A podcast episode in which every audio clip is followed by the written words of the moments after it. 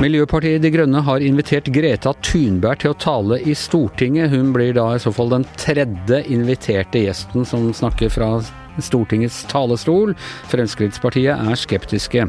Og regjeringen opererer med forskjellige karanteneregler for forskjellige idrettsgrener. Dette er Jevra-gjengen og det er tirsdag den 1. juni.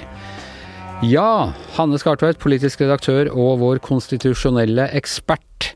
Er det Wow. noe hinder for at eh, miljøaktivisten Greta Thunberg skal kunne tale i Stortinget? Ja. Og hva er det hinderet? Formelt er det ikke noe hinder. Det har vært skjedd to ganger før, som du var inne på. Winston Churchill var eh, talt fra Stortingets talerstol i 1948. Da han takket Norge for innsatsen under krigen og gratulerte oss med demokratiet vårt. Ja. Og så var Mogens Lykketoft her. eh, Den, den, Den kjente tidens- Mogens Lykketoft? Ja. vi måtte google for å være sikre på at Vi vi, sa navnet helt riktig før vi gikk på lufta.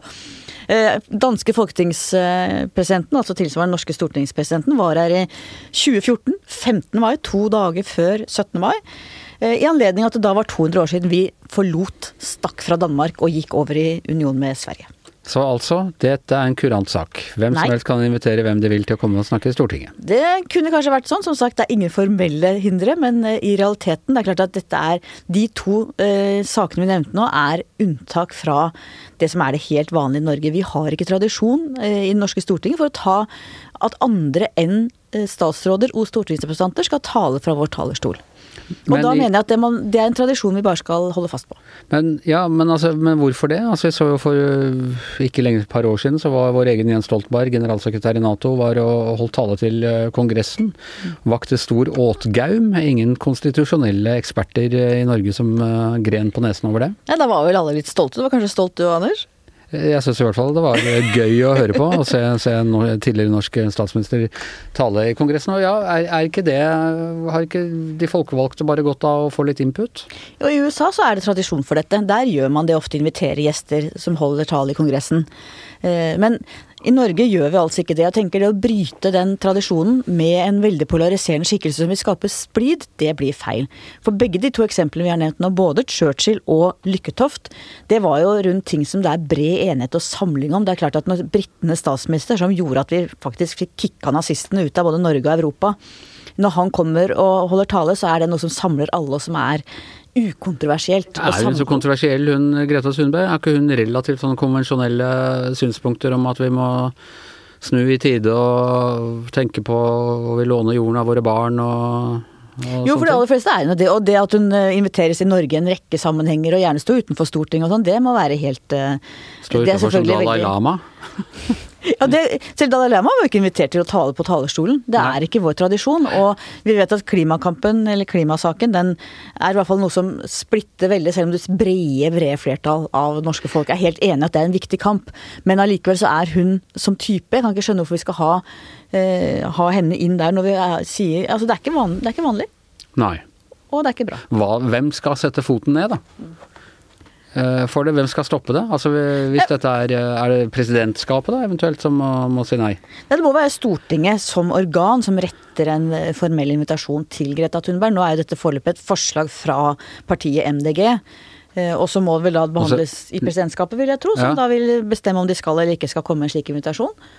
Jeg husker en tidlig En av de første gangene jeg var i Stortinget, faktisk, så var det fordi eh, den italienske pornostjernen Ciccolina, hvis du husker henne, Ilona Staller, hun var blitt valgt inn i det italienske parlamentet eh, på en sånn plattform. Ja, og miljøvern også. eh, Fri kjærlighet og, og miljøvern. Og så var det en eller annen impresario som hadde fått henne til Norge, for hun spilte inn noen plater og sånne ting òg.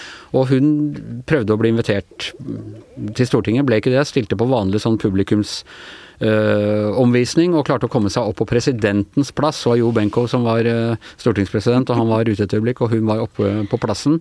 Eh, og der klarte hun å blotte brystene foran eh, eidsvollsmennene, og det var store skandale.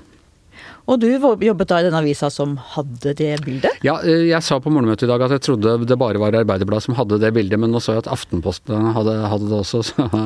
Men det, det var jo en helt annen altså Hun var jo ikke invitert av noen andre enn denne impresarioen, og hadde, hadde bare tatt seg inn. Men eh, kunne vi eh, Nå legger jeg litt ordene i munnen på deg, men kunne vi liksom risikere at hvis, hvis MDG eh, får gjort dette, så vil Fremskrittspartiet så kunne de finne på å ha en kontroversiell innvandringsmotstander, f.eks.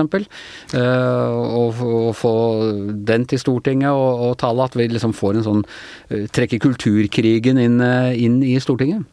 Absolutt, det kan eh, godt komme til å skje. For vi, altså, MDG er jo virkelig klimapartiet framfor noen. De ønsker Greta Thunberg. Andre partier kan ha andre hjertesaker hvor de ønsker sine folk. Og da får du plutselig stortingssalen og Stortingets talerstol til å bli enda et sted hvor du har polarisering og hvor du har debatter om uh, symboler mer enn noen ting. Og husk at det norske Stortinget er jo eh, Hvis du ser på det britiske parlamentet, der er det jo delt etter partilinjer. De sitter på hver sin side. De konservative på ene siden, eh, Labour på andre siden, og det er virkelig så intenst mellom de to frontene. Mens det norske Stortinget, der sitter man jo etter fylker. Man sitter fylkesvis. Det illustrerer på et vis noe av den konsensuskulturen du har, og den politiske kulturen du har i Norge, hvor folk er venner på tvers av partiskiller.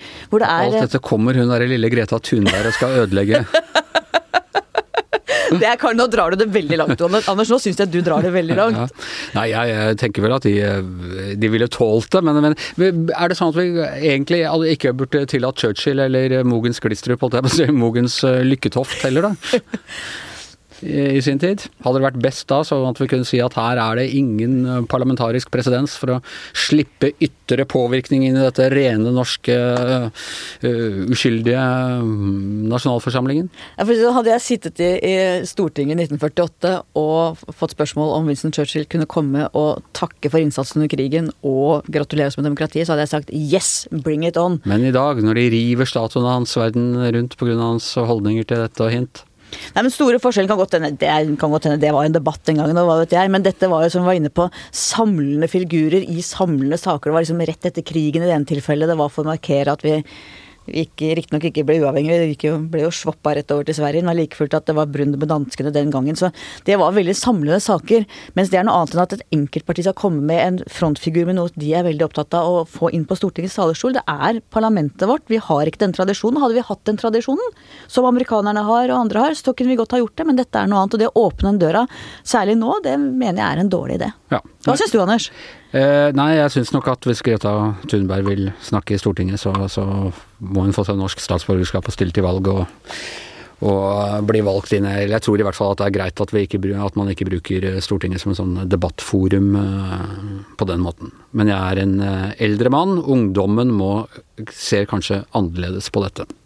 Og snakker om ungdom, velkommen til deg, Leif Welhaven. Nå vel. du, eh, en sak som jeg eh, må innrømme jeg ikke har tatt helt inn over meg, som du gjorde meg eh, oppmerksom på i dag på, på morgenmøtet, det er at det opereres med helt forskjellige regler for de forskjellige idrettsgrenene når det gjelder eh, karantene. Ja, det har oppstått en veldig merkelig situasjon som uh, splitter norsk idrett, og de siste, den siste tiden har uh, altså skapt en uh, voldsom harme i, altså, i enkelte grener.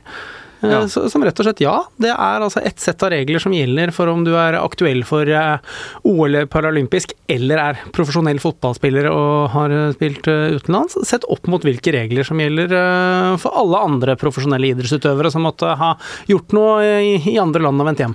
Men altså, aktuell for, for OL eller Paralympics det kan vel være en viss uh, rimelighet i at uh, de trenger å holde motoren i gang uh, enda sterkere enn de andre idrettsgrenene? Ja, det er i hvert fall en aktualitet i OL, eh, selvfølgelig. Samtidig så er det altså enhver profesjonell idrettsutøver altså, som lever av det han eller hun gjør, vil jo mene at det de altså, holder på med er viktig her og nå.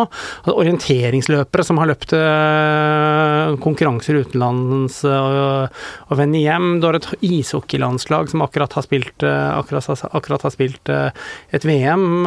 Det kan være altså, helt alle mulige andre idrettsgrener som har altså konkurrert eh, eh, seg. Så de vil jo også rammes av eventuelt å måtte dra, på et uh, karantenehotell. Men det er nok særlig denne forskjellen mellom fotball fotball og, og resten som har, eh, som har, vakt eh, veldig stor harme i en eh, del miljøer. Men selv jeg, med under pari interesse for idrett generelt og fotball spesielt, skjønner jo at landslaget At det er i en tid som denne, hvor vi virkelig liksom kan trenge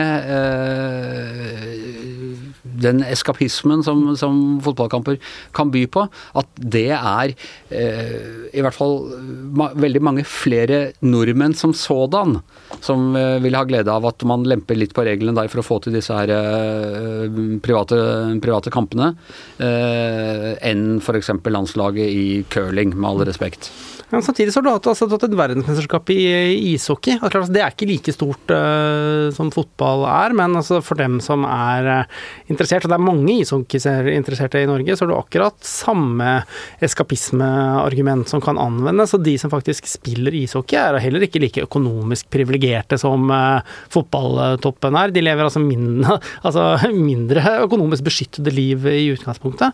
Og spørsmålet her er jo nå hvorfor det skal være sånn. Altså, dette handler jo om karantenehotellplikt. Det handler ikke om, du, hvorvidt du skal få lov å spille kampene eller ikke. Spørsmålet er om du, når, du, når du vender hjem til Gardermoen, da, om det at du har sparket til en ball tilsier at du da skal slippe å reise i karantenehotell, mens altså f.eks. da Vipers, som har eh, spilt håndball, må i karantenehotell. Landslaget i ishockey må, i, altså, må på karantenehotell.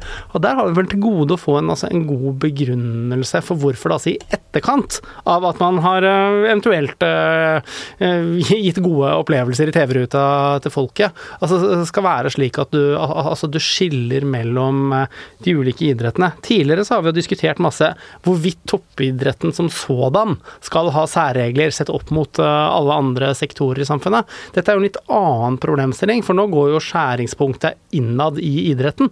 Hvorvidt eh, om det er, som jeg sier, om det er forskjell på om du kaster eller sparker, så, så, altså, så vil altså hvordan du påvirkes som privatperson overfor eh, familie, om, omgivelser, omstendigheter, forutsetninger, altså slå helt ulikt ut sånn som systemet er i dag. Og det som er litt av problemet, er jo at myndighetene altså De begynte som med det ene, og så kom det andre og så bare satt i en strek. Og problemet er at vi har ikke Som alt annet i pandemien, så er det lettere å forstå det, i hvert fall hvis man altså, forsøker å gi det noen begrunnelse, i hvert fall. Men er det, er, har dette noen praktisk betydning for uh, de uh, enkelte disipliners evne til å gjennomføre uh, mesterskap eller sånn, eller er det mer sånn at det er kjedelig for utøverne å sitte lenge i karantene. Nå har ikke jeg full oversikt over alle idrettsgrenene, men det vil nok slå litt ulikt ut. Altså Det argumentet du kan komme med, er jo altså vi, altså vi er nå på vei inn i sommeren, og du har akkurat unnagjort et ishockeymesterskap. Så klart for, altså for ishockeyspillere så er det, sånn er det mest presserende argumentet nå at de har vært veldig lenge hjemme,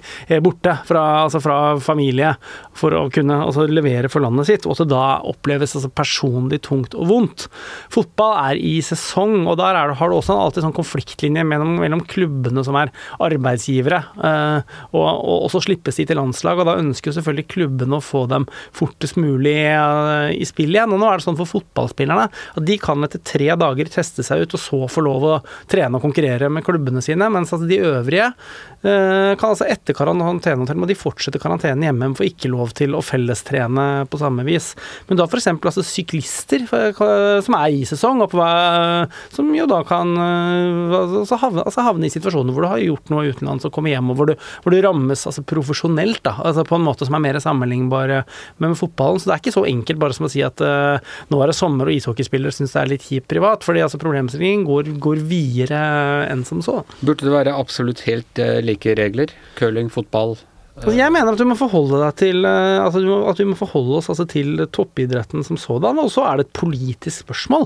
Altså om du skal se på toppidretten som en sektor på lik linje med andre, og faktisk praktisere eh, akkurat de samme reglene og samme, eh, og samme eh, f.eks. bestemmelser rundt karantenehotell. Men hvis man først velger å gå til det altså lempeligere skrittet som man har gjort overfor noen av gruppene i idretten, så blir det unødvendig splittende å skulle, å skulle ha ulike regler. Hvis man først mener at det er prinsipielt riktig å åpne den døra, så bør man også slippe hjem ishockeyspillere og håndballspillere og syklister og orienteringsløpere og andre. Vil du sett annerledes på det hvis det ikke var privatlandskamper? Jeg tror egentlig ikke det. Altså. Jeg håper og tror at jeg hadde sett at det, hadde hatt samme, at det hadde hatt samme prinsippet uansett. Og jeg mener at mye at altså, troverdigheten i denne pandemien for en, altså, for, for, altså, for en oppslutning om tiltak som er inngripende, er jo en form for opplevd rettferdighet og likhet, i hvert fall til en viss grad. Selv om det alltid deler av politikken pandemi vil være noe som går, må gå seg litt til mens det går. Så er det, det går en grense for forskjellsbehandling, og den mener jeg er overskredet i denne saken her. Ok, ja, nei, alle skal med. Eh, tusen takk til deg, eh, Leif Welhaven. Takk til eh, Hanne Skartveit. Jeg heter eh, Anne Skjever, og vår vaktsjef heter Kristina Kinne. Og mannen i selvvalgt karantene bak miksepulten er som vanlig produsent Magne Antonsen.